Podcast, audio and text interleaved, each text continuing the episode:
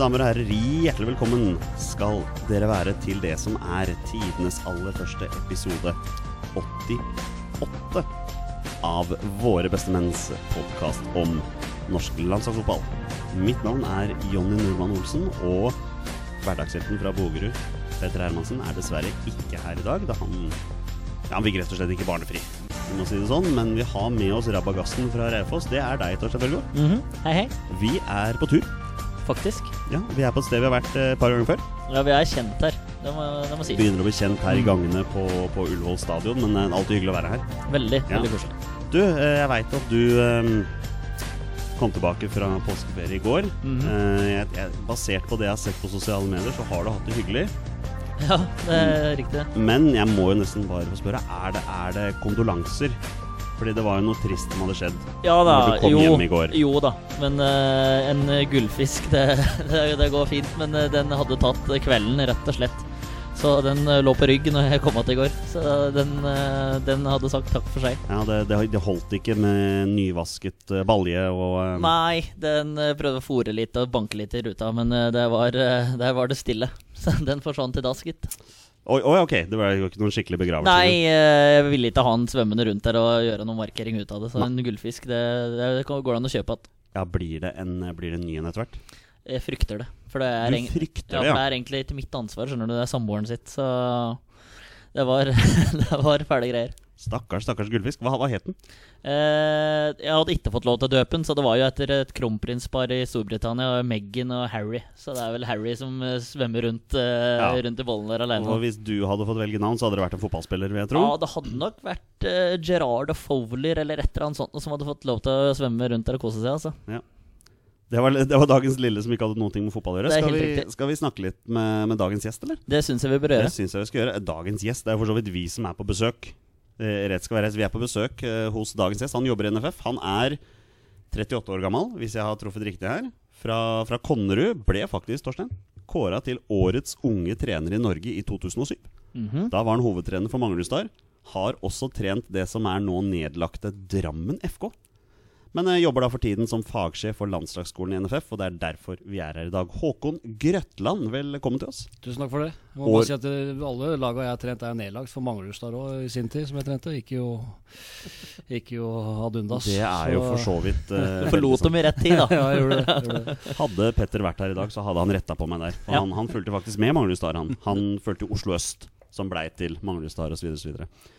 Men eh, ja, Drammen FK. Jeg husker at Skeid møtte dem i cupen i, i 2015. Eh, Så det er ikke så lenge siden de sa takk for seg. Nei, det er ikke det. Nei? Men vi har hatt en eh, tidligere A-landslagsspiller som har spilt Nei, to faktisk tidligere A-landslagsspillere som har spilt for, for Drammen. Jeg vet, ikke, vet ikke om du tar den, jeg, men Oh, den um, er, det, er det nå nylig?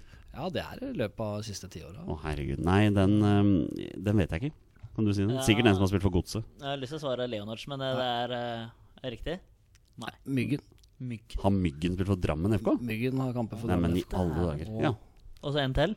Thomas Gill. keeper. Thomas Gill, ja. Ja. Selvfølgelig. ja, men han hadde jo vi på 20 spørsmål, og han Ja, hadde spilt for sånn 40 forskjellige ja, klubber. ja. Så Én kamp for jeg- uh, Husker ikke at Drammen FK sto på den lista der, altså. Nei, Det husker var, ikke. nei, Thomas Gill, ja. Håkon, har du hatt en bra påske? Veldig bra. Har Ja. ikke gjort noe som helst. Bare tatt det med ro og sitte i sola. Er ikke det digg? Og det har vært deilig. Men eh, tilbake på jobb i dag. I dag er vi tilbake på jobb og vi har klinka på med en gang. Det har vært en sånn lang uh, fagdag her på Ullevål. Så vi har samla alle landslagstrenere, og så har vi diskutert uh, ja, ymse. Kommer rett fra big meeting. Hadde ikke lyst til å fortelle oss noen ting. Ingen, ingen spoilere der, altså. Det, så her jobbes det tett, og, tett på greier, ja. ja. Um, helgens fotballaktiviteter, Torstein. Du jubler jo som bare rakkeren. Både seier til Raufoss og til ditt eh, kjære Liverpool. Ja, jeg gjør det. da Så Det har gått veldig fint i helga nå, men det er som jeg sa til deg litt nede i gangen her, at eh, Premier League avgjøres i morgen. Det er eh, Det gjør det, altså. Eller i hvert fall for City sin del. Vinn City i morgen, så er det over og ut. Blir det poeng til United, så lever det for fullt de siste to og en halv uka. Så det er bare å bare følge med. Ja, kjære venn, jeg har ikke noe annet valg, men jeg så ikke matchen mot Cardiff, nei. Da valgte jeg heller å gå på tur. Ja, det skjønner jeg godt. Mm. Håkon, hvis jeg sier at du jubler for ett poeng i Trondheim i går, er det feil? Eh, altså Feil og feil. Jeg sier jo det var ålreit at man fikk et uh, poeng, men jeg er ikke noe sånn der godsfrelst. altså. Nei, du er ikke det, nei, nei. jeg er egentlig er blitt sånn, og det er kanskje litt i kraft av jobben, men altså, jeg heier på Norge, og det er det. Det er et veldig politisk korrekt svar. Jeg Ja, han eh, men jeg mener det. Ja, men jeg, det. jeg tror på et ærlig svar. Ja. Men eh, i utlandet, har du noe, har du noe lag der? Tottenham. Tottenham, ja. ja. Så- Jeg må se på match i kveld, da. ja. Ja, de spiller jo i kveld, ja. Ja. Stemmer det. Stemmer det. Ja, så, men Tottenham, dem, eh, hvordan gikk det med dem i helga? Nei, de tapte jo 1-0 dem Ja. mot City. Stemmer det. Jeg så den matchen her. Riktig. Muligheten til å kjempe nesten sikre topp fire i kveld, da. Ja, Ja, Men de har jo en, en eller annen sånn kamp i Champions League også å fokusere på. ja da, men de tar, tar seg til Brighton først, vet du. Ja, Fikk jo drømmetrekningen med Ajax her da i semifinalen. Så. Er det drømmetrekning? Det blir en morsom kamp. Ja, det blir morsomt. det, blir, eh, det blir stilig, altså. Boys, masse tøys i starten av introen her. Vi skal snakke om masse norsk landslagsfotball. Skal vi bare kjøre på, Torstein? Det syns vi bør gjøre. Da gjør vi det.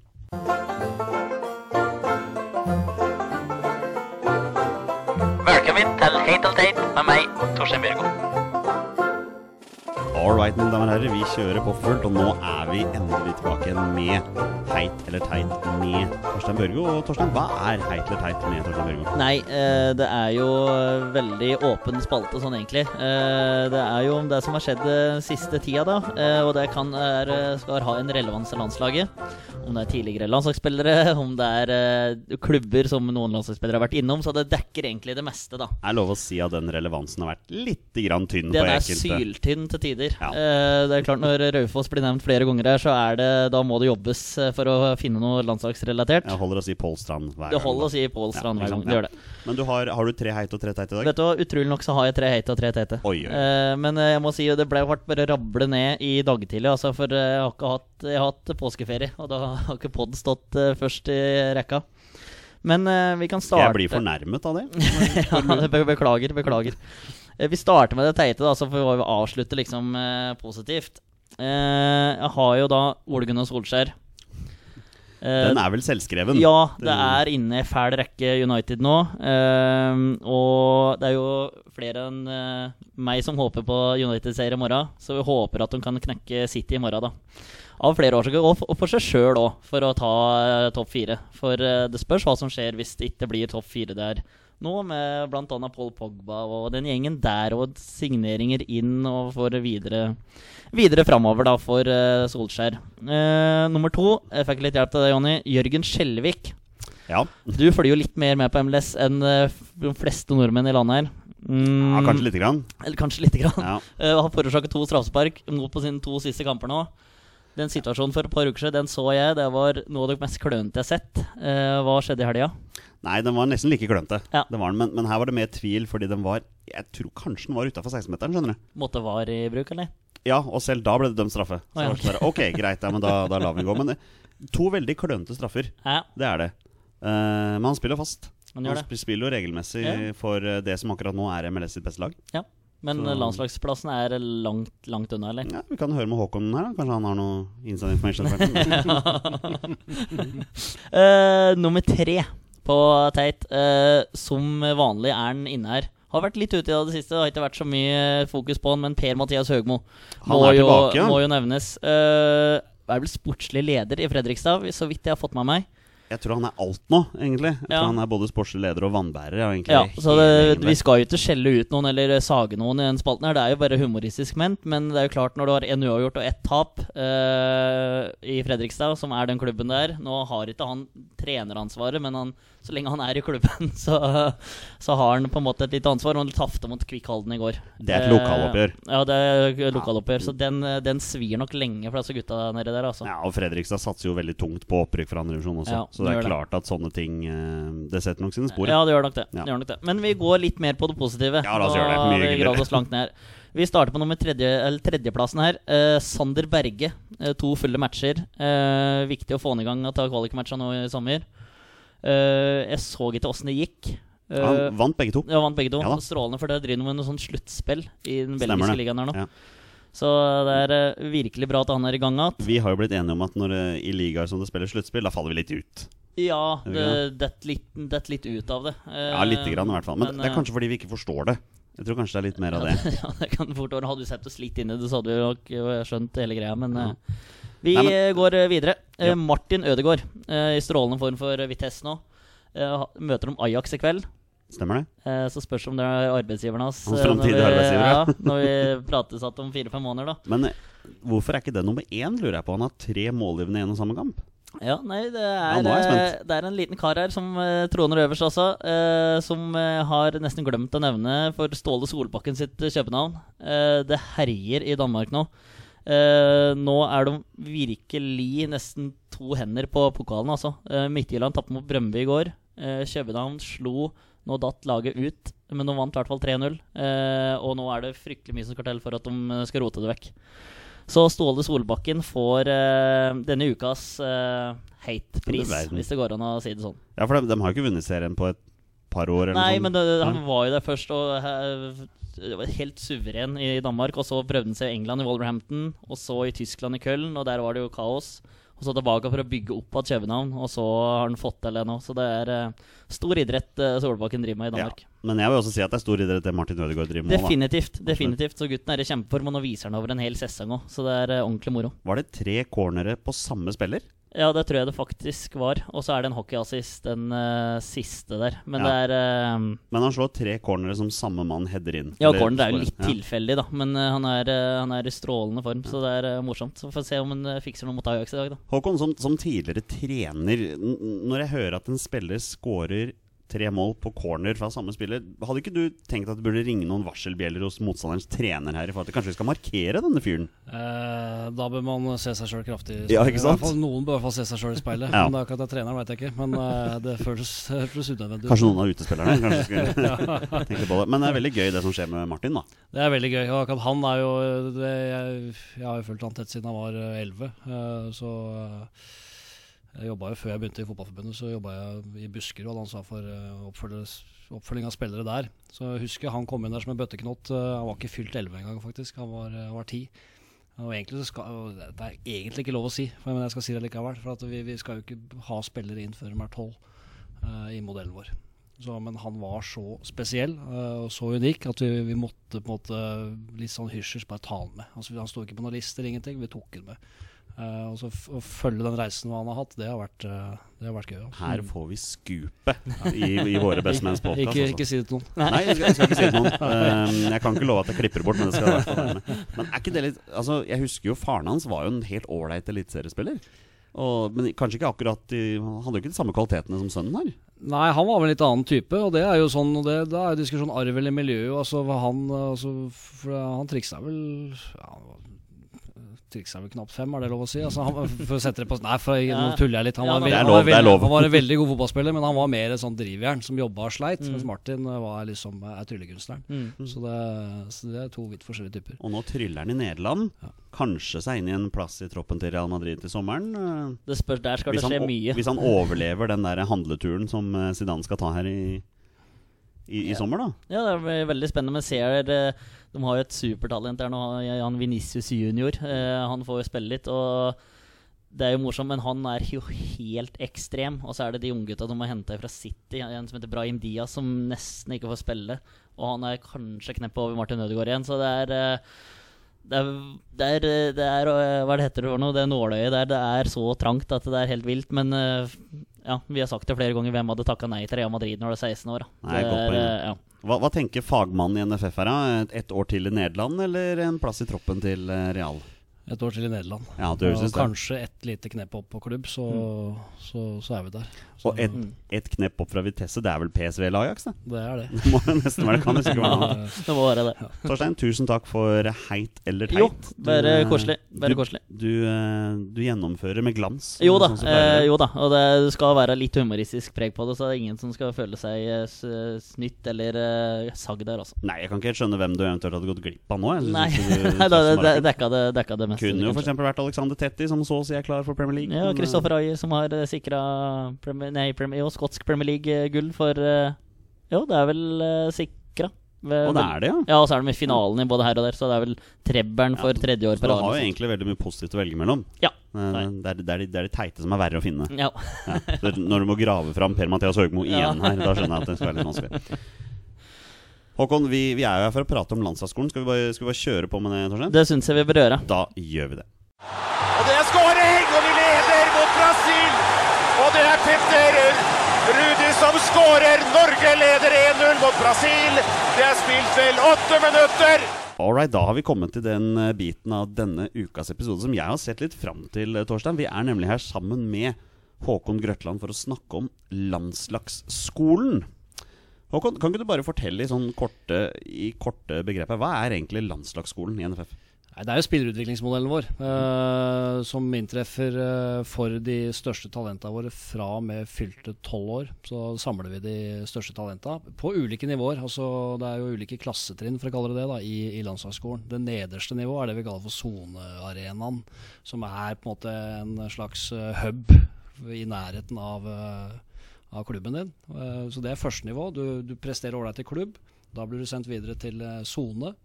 Uh, presterer du på sone og er blant de beste der, så går du videre til det vi kaller for kretslag. Og så er det fra kretslag videre til mer sånn nasjonale tiltak.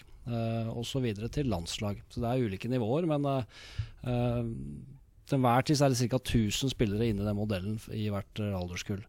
Så det er modellen, men det er kanskje det viktigste poenget er at når vi har en modell, så har vi da utgangspunkt for å både kartlegge de rette spillerne, finne de rette typene, det vi har tro på, og ikke minst påvirke dem. Uh, og det er vel det nye med altså, når, vi, når vi lanserte landslagsskolen for fem år siden, så ble vi litt sånn, eller jeg ble beskyldt for å drive med keiserens nye klær. Mm. Uh, for at det er kretslag og sånne ting, det har vi jo hatt i, i mange mange år. Så, og det er riktig. Men det, det, nye er at vi har på en måte samla oss om et felles sett med faglige rammer. Mm. Sånn jobber vi. Det jobbes klin likt i, hele landet. Uh, vi har nå 1500 trenere som jobber i landslagsskolen, og de jobber med akkurat de samme spilleprinsippene, samme øvelsene, så spillerne får lik påvirkning.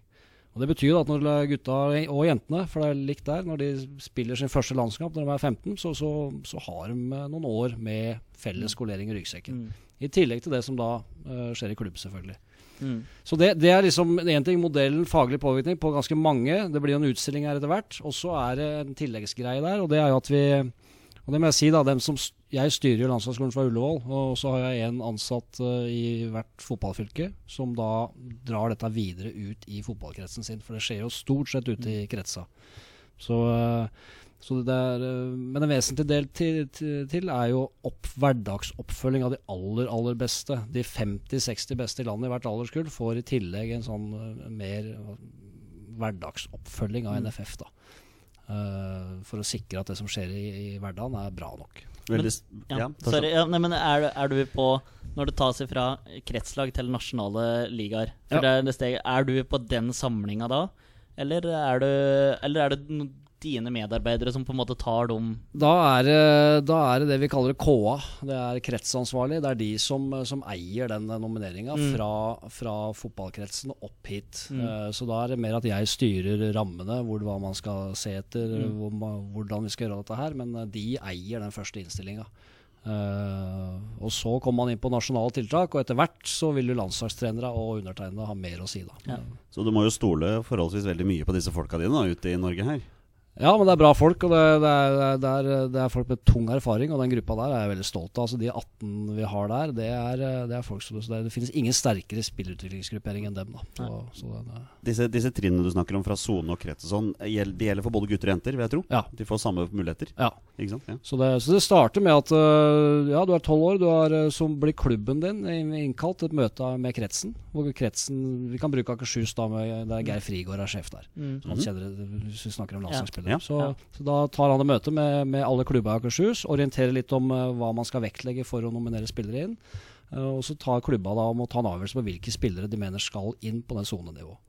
Eh, så Det er første. Og Der er vi veldig opptatt av, og det er viktig å få fram. Altså, vi er lite opptatt av hvor god du er her og nå. Da. Eh, vi er opptatt av å se etter litt eh, andre ting, og det vi kaller det for eierskap til, til egen utvikling. Mm. De spillerne som har det lille ekstra, den der mm. driven. Mm. Som trener mye, som, som pusher grenser. Mm. Ja, for Det finnes vel 100 eksempler på spillere som dominerte voldsomt når de var 11 år og faller igjennom ja. når de blir eldre. Ja, med, men for å si det veldig enkelt, du kan være så god du vil når du er 11 år. Hvis du ikke holder på å trene på egen hånd, så, er, så skal du ikke inn i landslagsskolen. Ja, for det er begrenset ja. hvor lenge du kan flyte på talent ja, da er du ferdig i løpet ja, av sant, ja, for vi spilte jo på lag med flere som var mer robust og store og sterke enn meg. Men når vi var 14-15 år, så var det sånn at de som var mindre og tekniske, som tok igjen de. Da, så det er vel litt sånn dekk ser òg. Ja, det er viktig å se litt på hvem er det som har forutsetninger for å bli veldig god på sikt. Det er mm. mindre interessant hvem som er best her og nå. Altså. Mm, og det Eh, altså det, det er en sånn uh, kontinuerlig greie. Det, og vi prøver å Men vi må stadig jobbe for å bevisstgjøre klubber og trenere på det. Altså Hva er det vi ser etter når vi skal kartlegge og nominere Mm. spillere? Hvis du tenker sånn Fra hvilket sånn cirka årskull er det du tror du kan begynne å se hvem som virkelig har potensial til å bli, bli gode? Vi kan ta Martin Ødegaard. for å ta den. Jeg husker eh, jeg så han når han var 11-12-13, se at han han, blir, han er god. Men det var, når han var 14, så husker jeg vi sa det at eh, hvis, hvis vi, det ikke blir A-landslagsspiller av han der, så er det en eller annen her som har gjort noe alvorlig gærent. Så de, de, du ser de der virkelige enera. eh, dem ser du. Eh, men eh, så er det andre som eh, altså vet, Vi vet jo at hjernen er formbar til langt opp i, i 20-åra. Og dette er en intelligensidrett. Du spiller den med hjernen. Mm.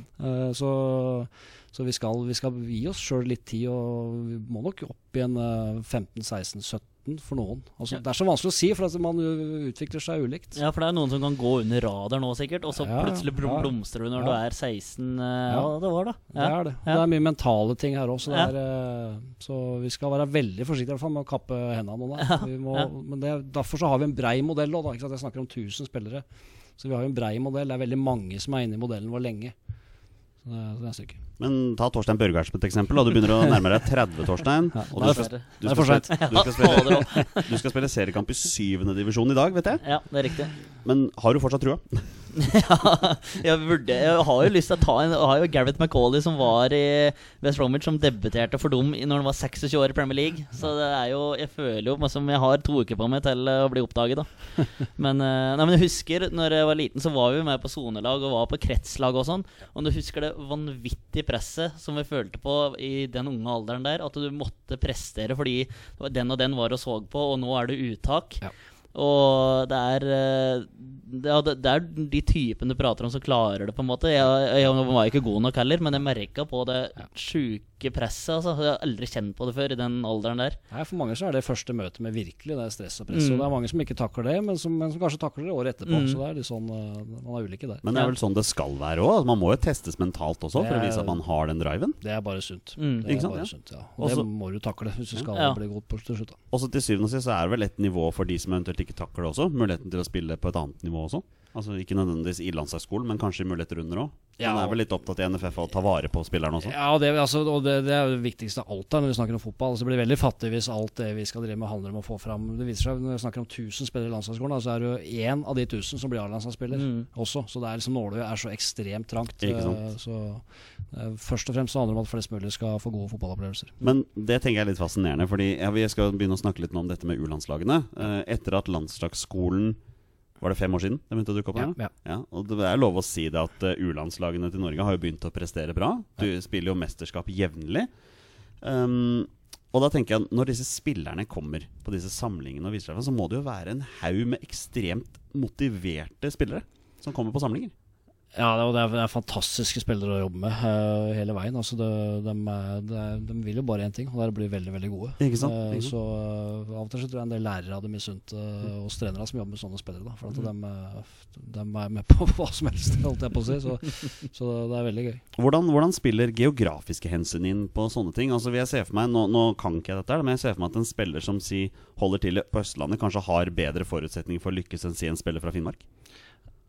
Eh, ja, det kan du godt si på noen områder. Det er bedre tilgang på baner, og kanskje det er flere be bedre både med- og motspillere. Og Mm. så har du andre ting, da, som kanskje, kanskje du får noe gratis òg i Finnmark. Det er, det er kaldt og mørkt og fælt, og kanskje du bygger en type karakter der som du Mm, Det kan også vil ha nytte av etter hvert. Så, så, men vi har det landet vi har, så vi, og vi prøver å få med oss eh, Mm. alle. Ja, ikke sant? Og du sier du har en, spill, nei, du har en mann i hver krets, og da er de sikkert enda nøyere på å velge ut de riktige typene. Ja, Vil jeg så, ja, så vi har den ene, og så har vi men som sagt så er det 1500 under der igjen. Så det er øh, Og det viser seg, det, vi, det kommer spillere fra, fra både ene og den andre kroken. Altså. Ja, vi prater jo om forutsetninger. Altså, det har jo trenger ikke å gå så fryktelig mye inn på navnet, sånn, men du har jo Braut Haaland fra Vestlandet Ja. og Martin Ødegaard herifra. Altså, Ja. det er, du har på en måte to gode eksempler der, da. Så det er muligheter, sjøl om du hører til oppe i Alta. Ja, det er klart det. Um, jeg lurer litt på hvordan, hvordan ser egentlig en vanlig arbeidsdag ut for, eh, for Håkon Grøtland?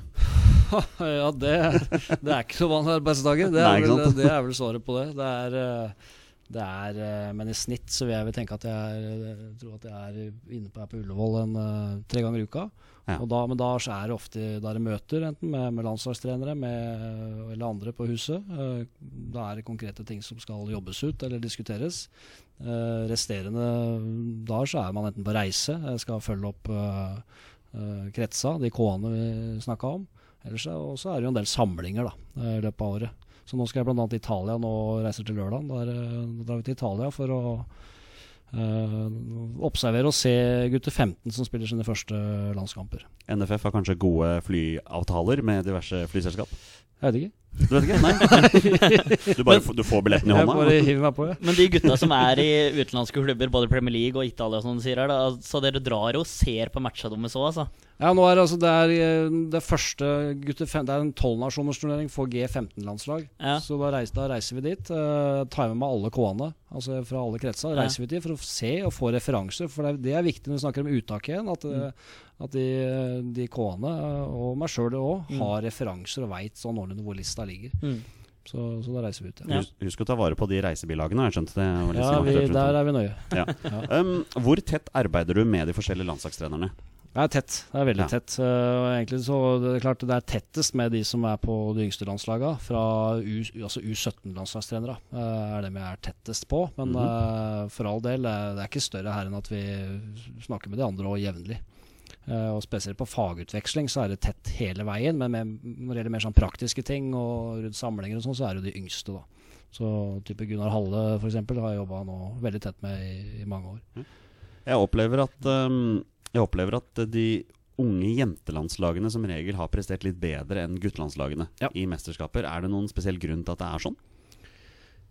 Altså det, det, det er jo ikke til å stikke under stol at det har vært tøffere eh, internasjonal konkurranse på guttesida. Det er flere som har eh, Fotball har hatt en større plass der ute eh, på guttesida enn på jentesida. Men vi ser jo at det bildet der er i endring nå. Altså, spesielt de store nasjonene har begynt å ta jentefotball på alvor. Og det begynner å bli en stund siden de muler òg. Mm. Så det blir tøffere og tøffere. Og det er ikke, vi, vi skal ikke ta som en selvfølge lenger at vi skal drive og, og ta medaljer og vinne ting eh, på damesida. Vi må- Da må vi ta oss sammen, rett og slett. Men uh, for et ekstremt spennende 2019 dere har foran dere her nå. Ja, uh, veldig mye spennende som skjer. Og det er uh, 2018 var jo et fantastisk år med resultater. Og det- vi kløp oss litt i armen. Altså, det, det, var, det var nesten litt for godt å være sånt, altså med alle de uh, resultatene der i ulike mesterskap og kvaliker. Og, så, men så har vi fulgt opp bra nå i 2019, så det, det har vært gøy.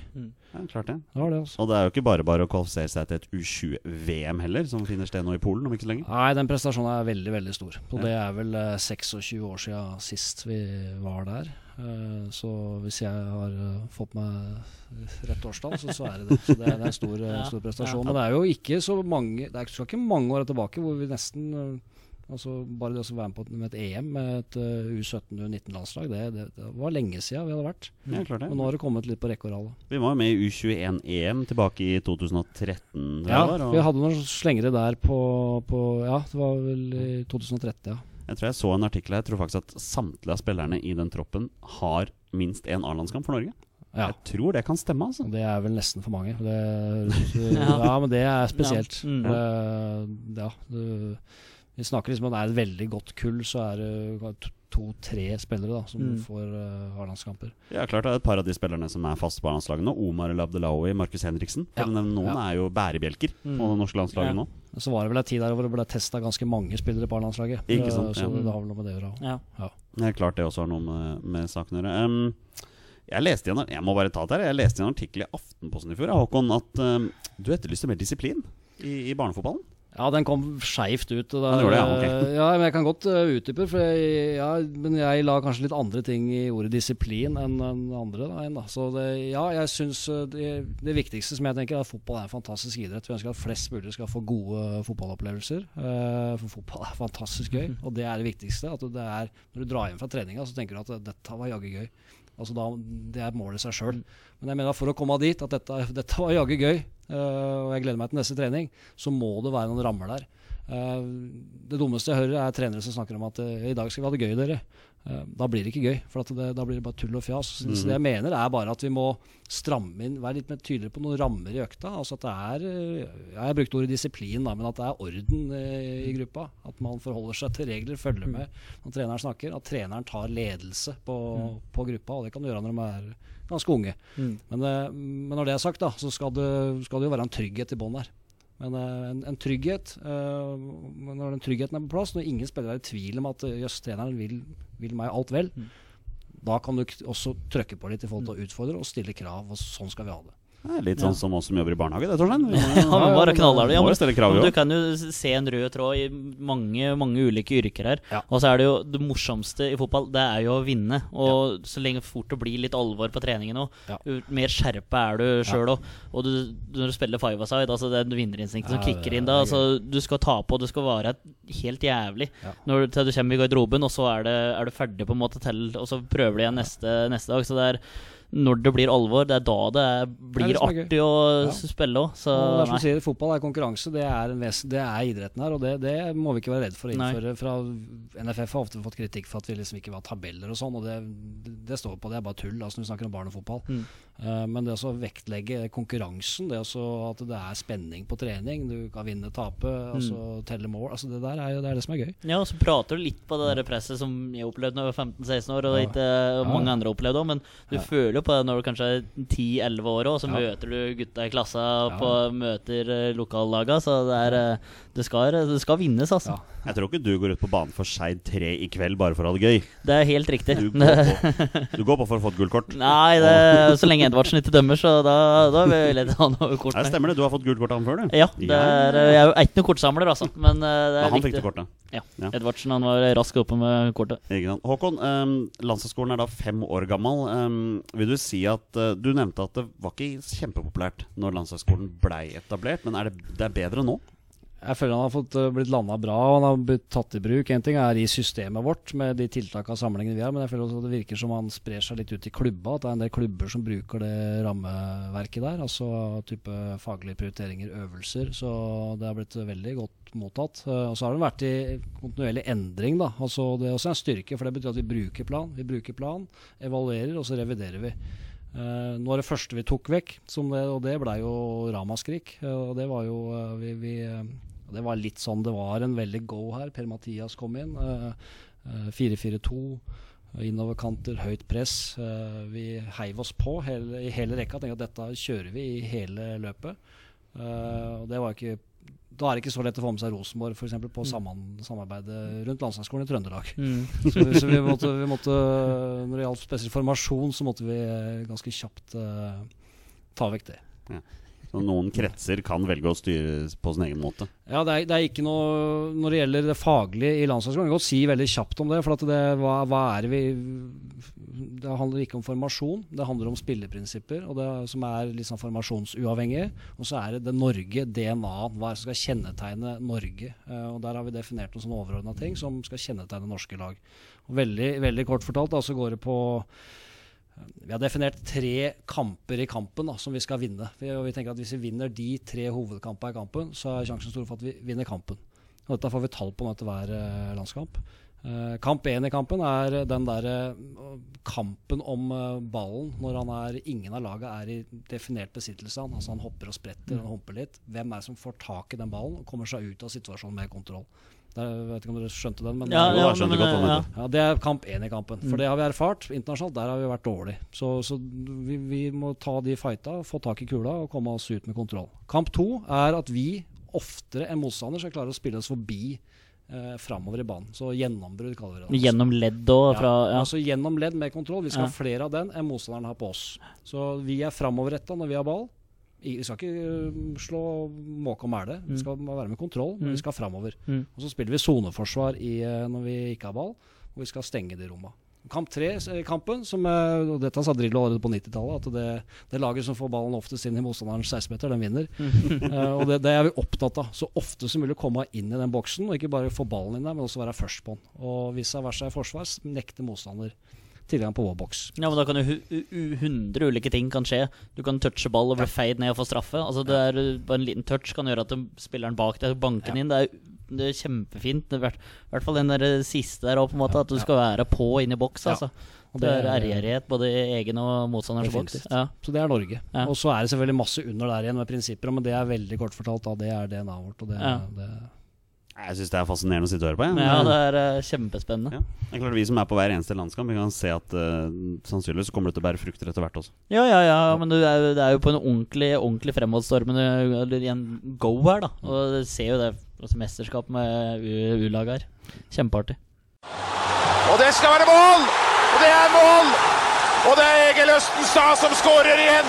Og det er 4-2. Norge har skåret fire mål på Brasil. Vi var inne i en god periode. Og nå er vel kanskje hele kampen punktert. Vi durer på videre, og vi har fått noen, vi har fått noen spørsmål fra noen av våre lyttere her, eh, Håkon. Um, Åsmund på Twitter spør hvordan ser laget som skal til U19-EM ut i forhold til det som skal til U20-VM? Uh, U19 slapp inn to mål i kvalifiseringen, mens U20 slapp inn tolv i sin. Er, eh, er eh, U19-laget sterkere defensivt, eller er det forskjellige taktiske tilnærminger som er årsaken? Ja, det var veldig mye i fjor, når det, det som var U19 i fjor. Slapp inn mye, men det, det var, var Det var en kokoskvalifisering. Ja, og det starter med Nederland, hvor man har eh, er Nederland skårer på det som er i starten. Leder vel eh, 3-0 etter ikke så altfor lang tid. Og så blir Norge Og så er det kampen derfra ut som gjør at da rakner du litt fordi du jakter mål. ikke sant? Så det, det, det er den kampen. Og så har du Skottland-kampen den siste, hvor vi slipper vel inn fire, var det det? Ja, 5-4 5-4. Ja. Hvor det blir, og du spiller på resultatet i andre kamper. Så det er nok mer tilfeldig enn at vi skal si at det laget er sterkere eller svakere defensivt. Men det er jo også litt sånn Uh, Det 99-laget er jo Altså de som skal spille U20-VM nå, det er et veldig sp- spesielt kull. For at jeg husker når vi for en fire år tilbake og det må jeg bare innrømme, og det, det høres ikke bra men vi omtalte det kullet som et veldig grått og kjedelig kull.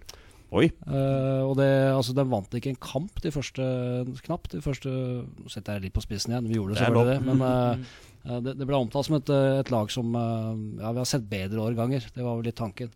Men så ser du kanskje at det er noe med Det ble jobba godt fra landslagstreneren, og man bygde en kultur og en guts i den gruppa som man nå profitterer på. Jeg lurer litt på det. Um, vi snakker her om rene alderskull, men er det vanlig at f.eks. en spiller som sier er ett eller to år yngre, spiller på landslag som er eldre? Eller? Det var nok vanligere før, og så måtte vi stramme inn. Og det var litt i den Martin Ødegaard. Og vi opplevde da at vi, eh, den 98-generasjonen f.eks.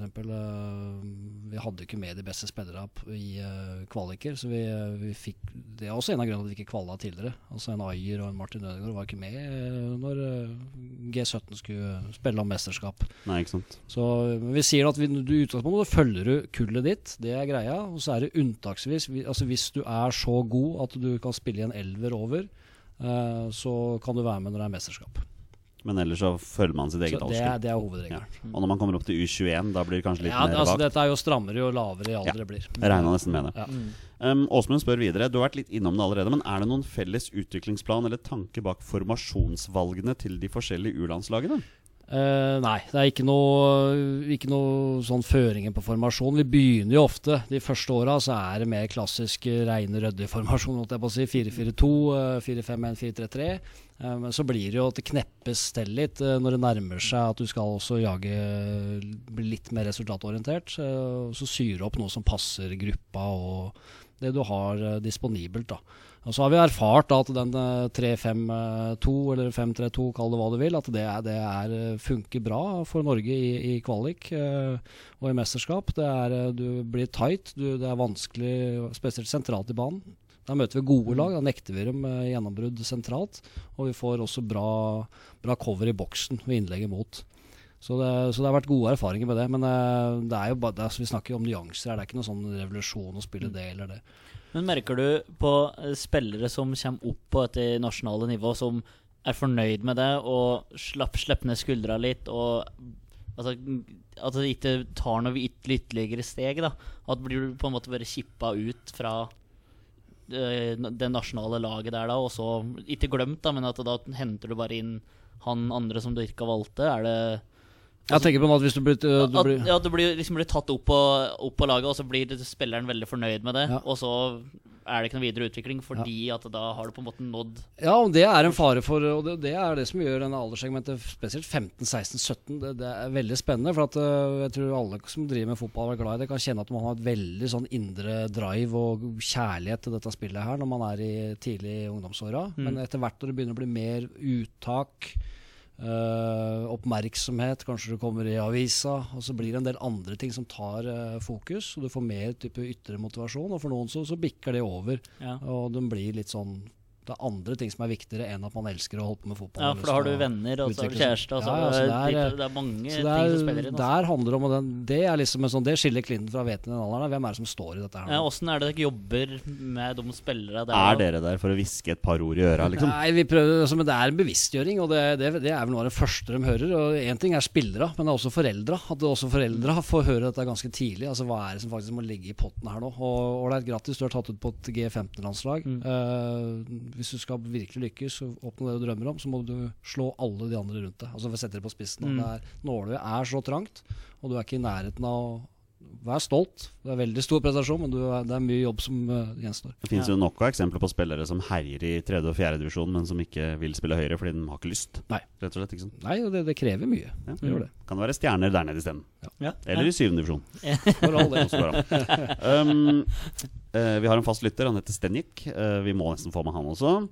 Uh, hvorfor klarer ikke A-landslaget å følge opp suksessen til aldersbestemte lag? Har det å gjøre med at utviklingen blir først synlig de nærmeste årene som kommer? Jeg Skal passe for, for høy og mørk der, men jeg tror jo liksom eh, Når du ser A-landslaget nå, så er det et resultat av det som skjedde ganske mange år tilbake i tid. Og så sier jeg ikke at det som skjedde da var dårlig heller, men eh, eh, det er klart at det, i hvert fall landslagsskolen, når vi snakker om sånne ting, det ser vi jo ikke effekten av på et A-landslag eh, ennå. Eh, det ser vi bare litt grann av, i så fall. Eh, og så er det sånn klart at det, er, det blir noe annet. Det, da, er, da skal du samle enere fra de ulike kulla, så, så da konkurransen er tøffere.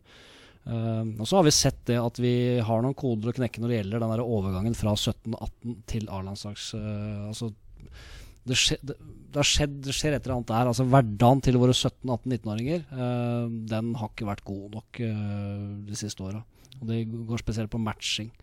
Um, så det er klart, er, Spiller du på 17-landslaget til England, så er du tilbake til en klubbhverdag som mest sannsynlig er litt bedre enn en klubbhverdag til Mm. norsk spiller, og så drar du fra det. Ja, for det er jo en del spillere på yngre landslag som uh, ikke spiller i Norge. De spiller rett og slett i andre ligaer. Ja, og, Det, og det er jo en diskusjon nå. Vi ser jo mer og mer av det. at Spillere reiser ut. og det, vi, vi vil ikke si at det er nødvendigvis lurt, men for en del så er det det. Hvis du kan få en klubb som, som har en plan for deg, og du er i trygge omgivelser, så, så kan det være heldig. Er dere veldig nøye da på å se hva slags plan klubbene har for spillerne? Nei, NFF styrer egentlig ikke det. Det, det, blir, mer, det blir jo opp til uh, spiller og foresatte, og eventuelt også mer og mer agenter etter hvert. Altså. Så klart vi kan gi råd. Uh, det kan vi, og det, det gjør vi jo. Og det vil jeg tro dere gjør, ja. Det gjør vi. Absolutt. Du, nå har vi snakket veldig mye om det, om det spillemessige her. Det er jo selvfølgelig noe av det viktigste. Men jeg, jeg må bare spørre, hvor, hvor viktig er det sosiale?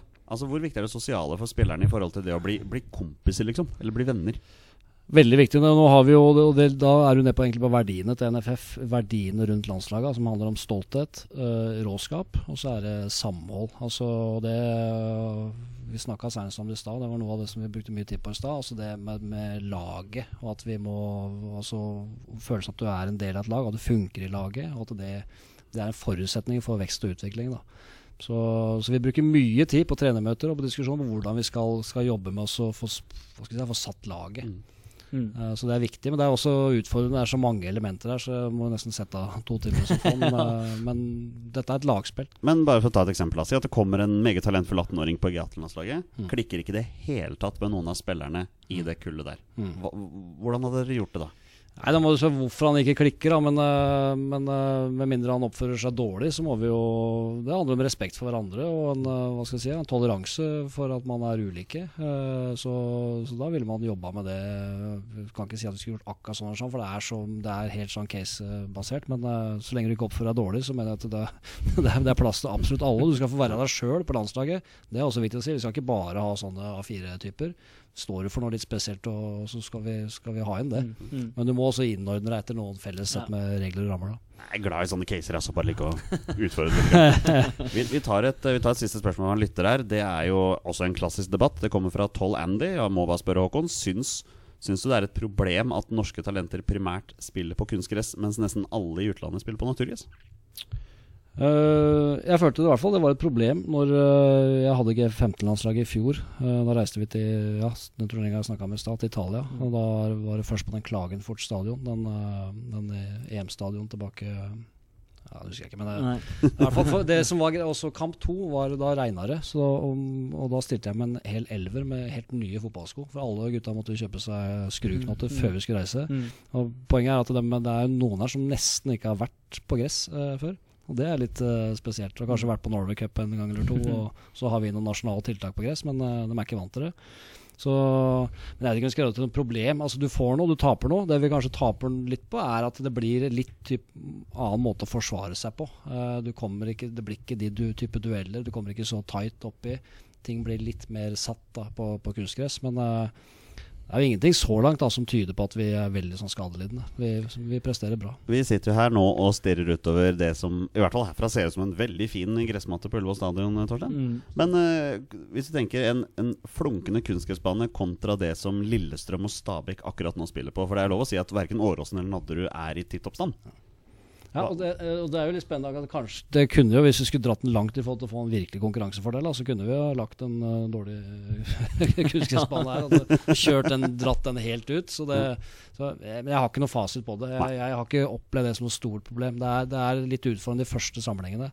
Uh, men så, så innarder man seg. Mm. Kan du bare ta en tur opp på Skeidbanen, kan du få se noen dårlige kunstgressbaner. Ja. Der er det dårlig sand. Og den er lur, og det er mål! Og det er Frank Strandli. Dette har ofret seg mye for eh, laget som skårer. Og det etter vel 14 minutter. Alright, eh, mine damer og herrer. Vi nærmer oss eh, slutten med Stormskritt her, men vi skal ikke gi oss helt ennå. Vi har to segmenter til, og vi er Torstein Børgo. Vi er på Gjestens bestemann. Ja, Det, det er det liker vi. Ja, dette er morsomt, det. Ja, det er uh, veldig mange spalter som har sånne drømmelagsspalter, og vi har også det. Ja, Eh, det. gjesten kommer da med sitt eh, drømmelag, men det eneste kriteriet vi har, er at alle spillerne på landslaget må ha spilt på A-landslaget til Norge. Formasjon og hvilke spillere som er med, det velger gjesten sjøl. Håkon, hva har Ja. du til oss i dag? Eh, Jeg måtte jo tygge litt på det, men jeg landa på, på en elver som var, hvor si, tematikken eller den røde tråden er at det er eh, karer som jeg har jobba med i, i NFF. Eh, eller som, og som da spesielt eh, rundt uh, utvikling, enten det er trenerutvikling eller spillerutvikling. Ja. Så det er, eh, Noen har jobba i kretsa, noen er her, men det er spillerutvikling, kollegaer, som er, eh, er rød tråd. Kult. Hva er, for, hva er formasjonen? Uh, 3-5-2, selvfølgelig. Selvfølgelig er det det. Med vingbekker. uh, dette er vingbekker. Er Så jeg skal bare finne fram her. Uh, Kan vi begynne å tenke? da? Hvem er han har med på? Eh, Gunnar Halle på høyresida der, eller? Ja, kanskje. kanskje, Ja, ja. kanskje Eh, får I mål. Starte, har i, på benken. Da. Eh, Starte på benken, og den skal han få. Eh, Frode Grodås er en veldig god kollega. Han får ikke plass på laget. Eh, og, eh, selv om jeg er glad i Frode. Men uh, mitt første møte med Frode var da jeg var uh, 16 år. Jeg skulle p- trene med Tottenham ei uke. Jeg gleda meg veldig til det. Jeg var keeper. Ja, så kult. Frode Grodås var store forbilde, så jeg så veldig fram til å komme til England og, og både trene med han og prate med han. Satt ved siden av han sånn som jeg gjør med dere nå, en helt uke rundt lunsjbordet. Og vi trente. Uh, han sa ikke et ord til meg på ei hel uke. Altså Ordentlig ufin oppførsel. Og det, Jeg fleiper jo ikke Fleip med det nå, altså, men uh, han var sur. Han var i dårlig humør, for han var jo tredjekeeper der. Det nærma seg VM. Han var nok stressa og hadde med nok med sitt. Så, men da for Frode, så du, han er Ja, Har han fått- har han fått høre det ettertid, altså. Om han har fått høre det, ja? Ja. Ja, det har han fått høre. Det skulle bare mangle. Men bare så det, han er en fantastisk mann. Så det, Og, men, og ikke bare en fantastisk mann, men en ekstremt godt trent mann. Ja, jeg veit ikke om det er sant, men han, uh, hørte noe rykte om at han har hengt opp sånn hangups-stativ over senga si. Så når du våkner om morgenen, så første gang dere er bare rett opp og Han ser ut som en granitt. Ser ut som en granittblokk, Ja, liksom. når du var med er Mesternes mester der, altså. Ja, ja, ja. Nei, så Ja. i mål så blir det Erik Holtan. Uh, oh! Som er uh, Jeg er glad i Erik. Han er, han er en av dem som har betydd mest for meg. Han jobba jo Han jobba som KA i, i Telemark eh, i sin tid, når jeg begynte som KA i Buskerud. Så han har betydd mye for meg å få til uh, Det var han jeg var tettest på, som jeg lærte mest av i de første åra der. Eh, en fantastisk kunnskapsrik mann, både når det gjelder fotball og en del andre ting. Mm. Så, så han er jo en av de som har betydd mest for meg, og som nå er en, ja, en kompis, rett og slett. Så selvskrevne mål.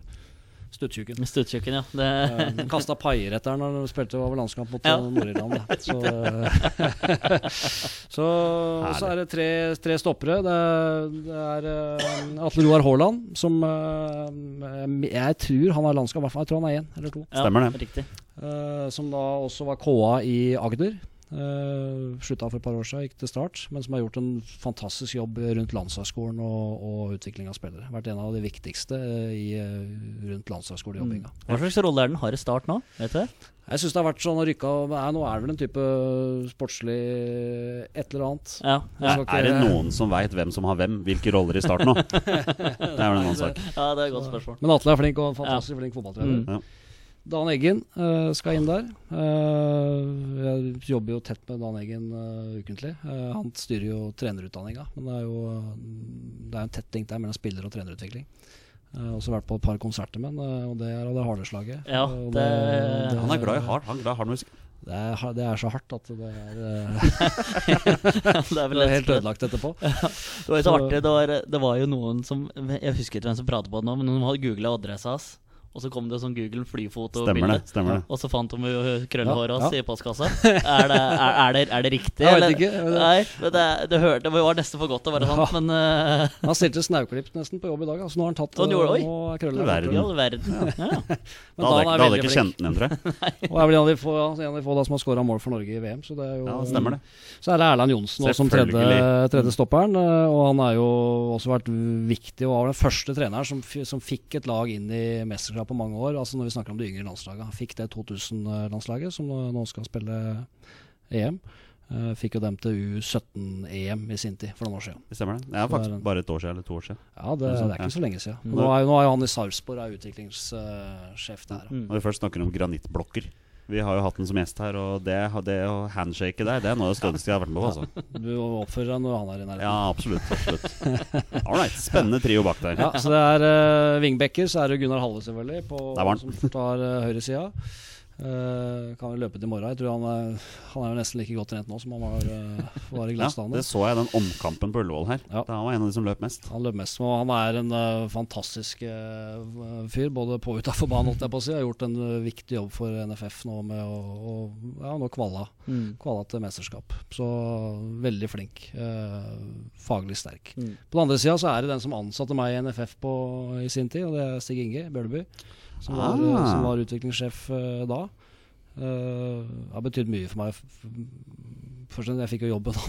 også, også viktig mentor, eh, samtalepartner der de første åra. Og han er også in, den som iverksatte en del av de, de positive tinga som skjer i NFF. da Mm. Det var så vidt jeg turte å stille på det intervjuet med for jeg må det, for at eh, han fikk det for seg at han skulle kjøre intervju på engelsk av en eller annen grunn. Eh, og det oh. Hadde du spurt uh, læreren min eh, på ungdomsskolen, så uh, engelsk er vel ikke det jeg var skarpest i. Så, men uh, jeg var så godt forberedt eh, at eh, Vi skulle holde et foredrag da, på engelsk. Så, men jeg var så godt forberedt at jeg hørtes uforberedt ut. Altså, jeg hadde planlagt bi, så, så, det, nei, så det var en opplevelse. Men han mente at sånne ting var viktig, da, og det følger jeg med. Litt sånn liksom, for å se hvem som tar, Ja. tar av utfordringen. hadde blitt degradert du, i NFF hvis du ikke hadde hatt med han på laget. ja, ja, ja, det er Og så var det å være 16 år og i Tottenham da i uke uten å kunne prate engelsk. Det var Nei, det, og jeg lente meg til han nordmannen som jeg hadde håpet jeg fikk Som ikke sa noen ting. Så det På midtbanen så er det jo ja, si, eh, Han også jobber tett med, han jobber her fortsatt. Og er vel en av de skarpeste fotballhundene vi har eh, her i Norge, og det er Dag Risnes. Eh, Ja, han, han, er, eh, han er dyktig. Har gjort en jobb i mange år rundt trenerutdanninga i NFF. Og eh, noe skarpere fotballhjerne enn han finner du ikke her til lands. Også. Han har vel en landskamp? Jeg mener Dag, ja. han har Ja, Han har fire eller fem. Han Ja, mener sjøl han ja. fikk altfor få. Ja. Han satt mye på benken. Fire eller fem, det er noe mye mer erfaren enn flere av de jeg har på 20 spørsmål. Så det, så det er han. Og så, bare så jeg ikke glemmer noen her nå ja. Det er, neste er eh, Han har ikke jobba i NFF, men han har bidratt litt rundt som assistent på Var med som ASP aldersbestemt i landslaget i fjor. Og var også med på talentleiren vår i fjor, i Porsgrunn, og det er Myggen. Um, og som sagt så trente jeg han også i Drammen. Mm. Um, og han eh, Og nå er han jo spillerutvikler i, i Start. Og er, er, han har en måte å kommunisere med de gutta på som er, eh, som er fin å se på. Altså Han når fram. Ikke noe brautende, bare rolig, lugn. Og gutta har jo veit ikke hvem han er heller. Nå, ikke sant? Det er jo, men han har en måte å formidle på eh, som er, eh, som er veldig bra. Da. Og for en smart fotballspiller han var. Smart, ja. Ja. ja. så han så jo noen rom der som, eh, som eh, Helt utrolig. Ja, Christian Eriksen kan bare gå og legge seg i forhold til Erik Mykland. Altså.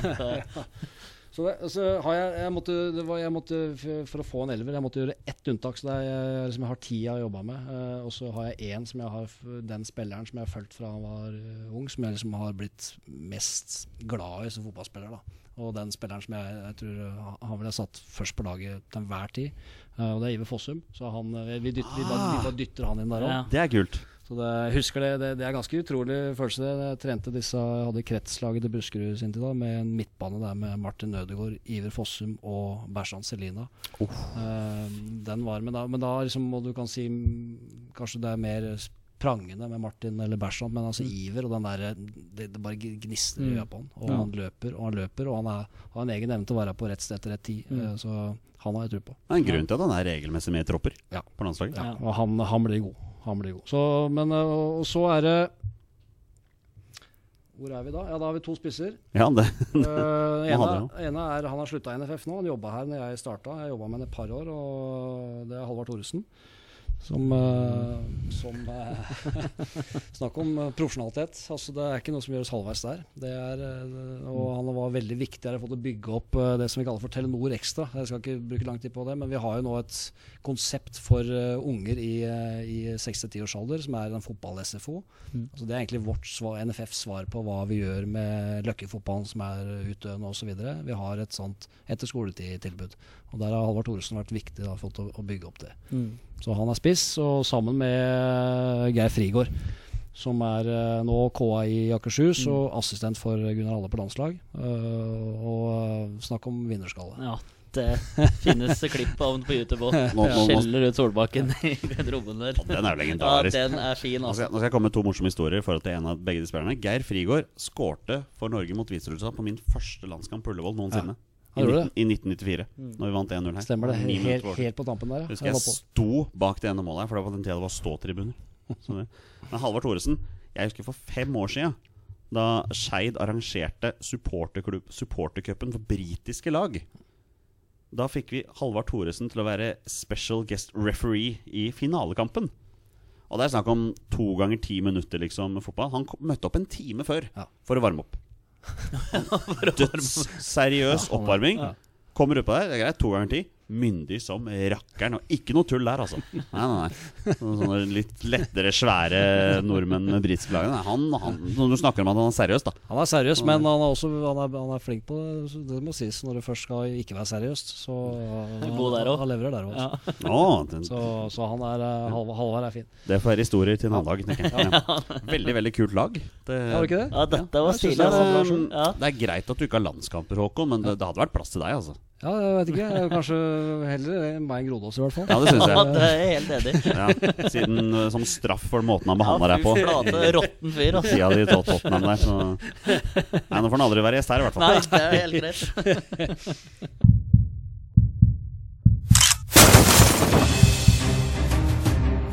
Er han nåværende landslagsspiller? Er han utenlandsproff? Er han fortsatt aktiv?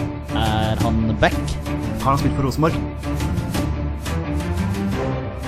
Mine damer og herrer, det er nå tid for 20 spørsmål.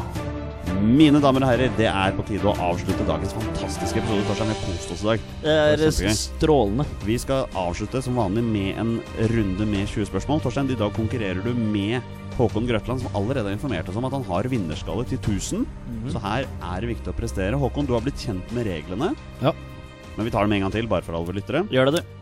Torstein og Håkon har da 20 ja- og nei-spørsmål på å komme fram til spilleren jeg har funnet fram, og det er en spiller som har minst én A-landskamp for Norge.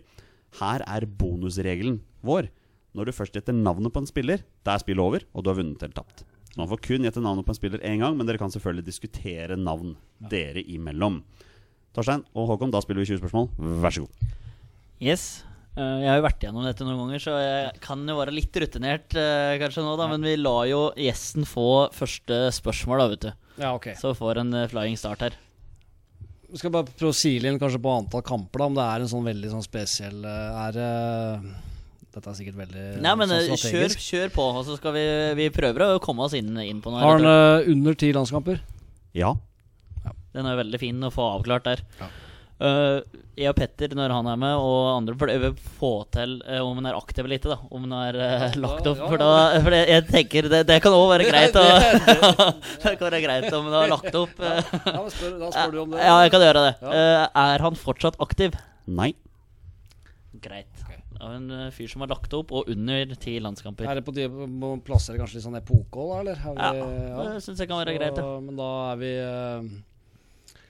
er, er det på denne sida 2000 uh, altså, eh, Spilte landskamper etter 2000? Um, nei. Nei, så det er 90-tallshelt, dette. 90-tallshelt. Ja, det er nok det. Uh, da er det jo fristende å Jeg, spørre jeg jeg, kan si at det er mulig han spilte landskamper i år 2000. Ja da, Men, men eh, eh, du skal ikke bli Ikke etter 2000, nei. Nei da. Nei.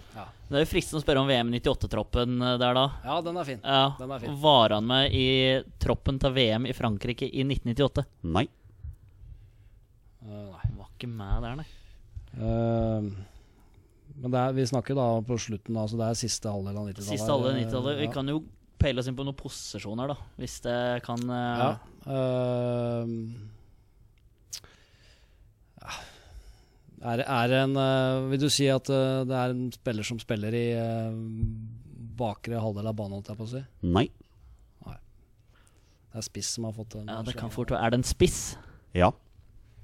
Spiss med under ti landskamper, som selvfølgelig er lagt opp, som ikke var med i troppen til VM i 98. Ehm, skal vi ta litt sånn om, om nasjonalt, internasjonalt, da? Ja, det kan du så- hvor han er mest kjent for karrieren sin. Ja. Ja. Har han spilt i en av de store ligaene ute? Ja.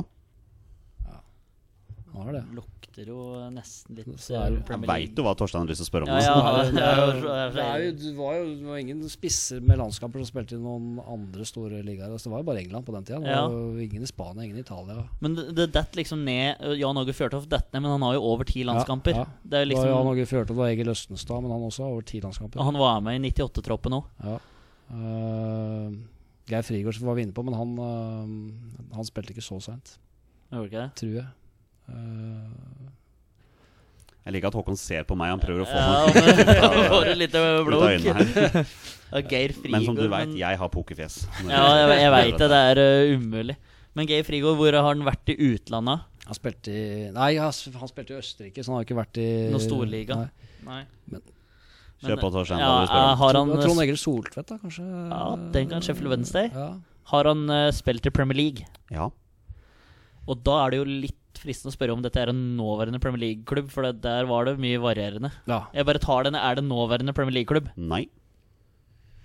Uh, Nei, nå eh, Har han eh, jeg, jeg, jeg, nå, jeg, nå tror jeg har han. Du tror du har den? ja, det er godt å høre.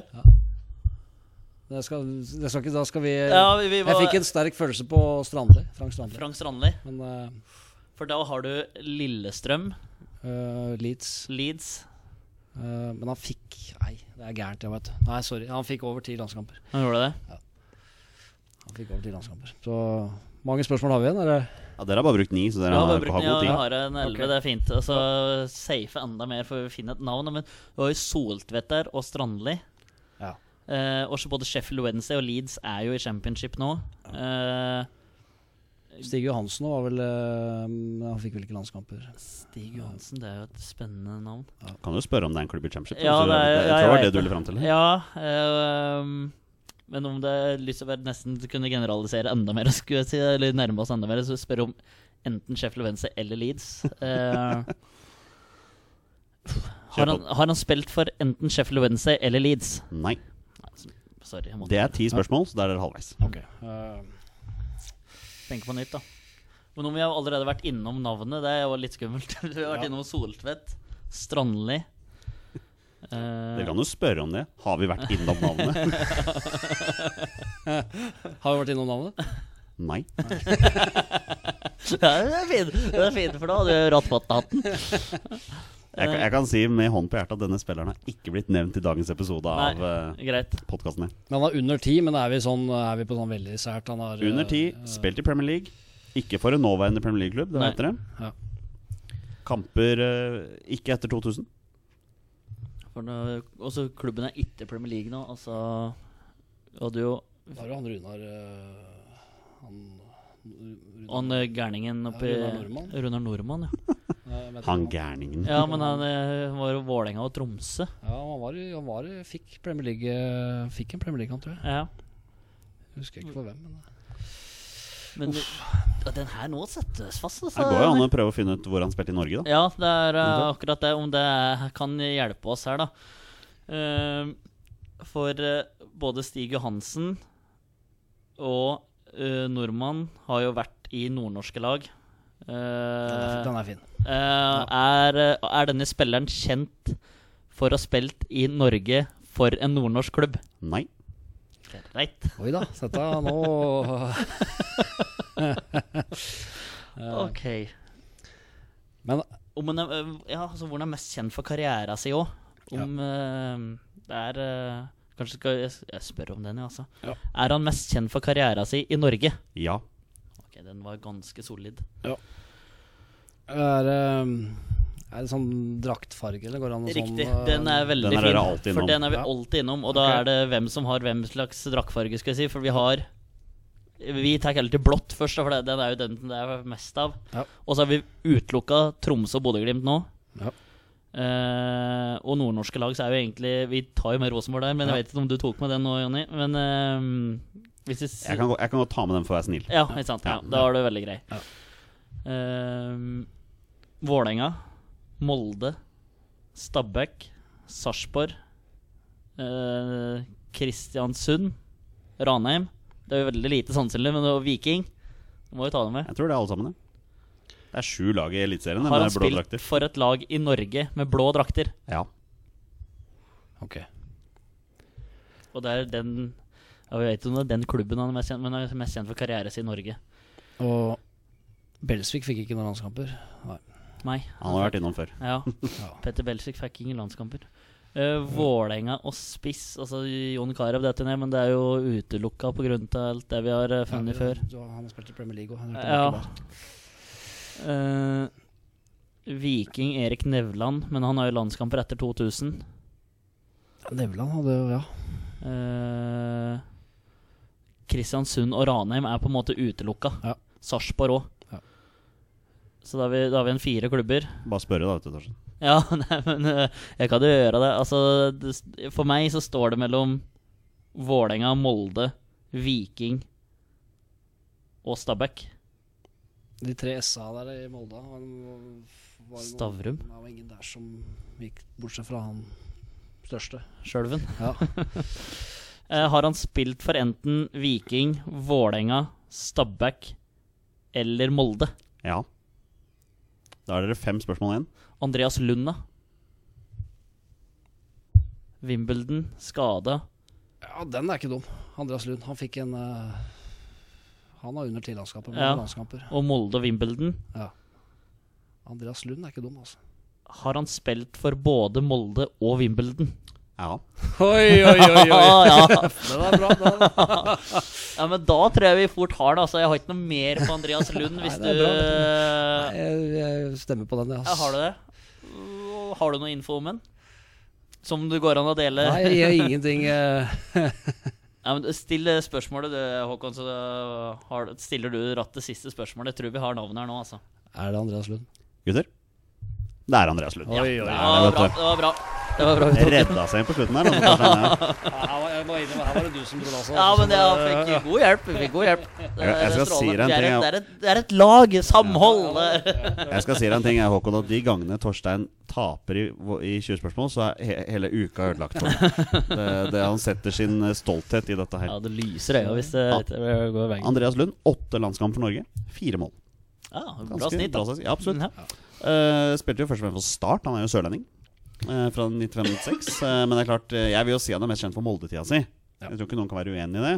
Mm. Eh, fra 96 til 2000 spilte han 59 kamp for Molde og skåret 42 mål. Mm. Han var jo kjempegod. Eh, fikk bare tolv kamper for Wimbledon i 2002 til 2002. da Ja. Og der kom jo denne kneskaden ja, mm. som uh, sørger for at han rett og slett måtte gi seg. Det er litt morsomt, jeg leser her at han prøvde å gjøre et comeback i 2009 sammen med Frank Strandli Oh, ja. for en klubb som heter FC Lund i sjette divisjon. Men eh, det gikk visst ikke så bra, da. Eh, Han var vel en del av det bronselaget til Nils Johan òg, som tok uh, i U21. Uh, ja. Han og Steffen Iversen. Det stemmer. Riktig. Han, eh, han var også med i, den, i, um, i det første uttaket til EM i 2000.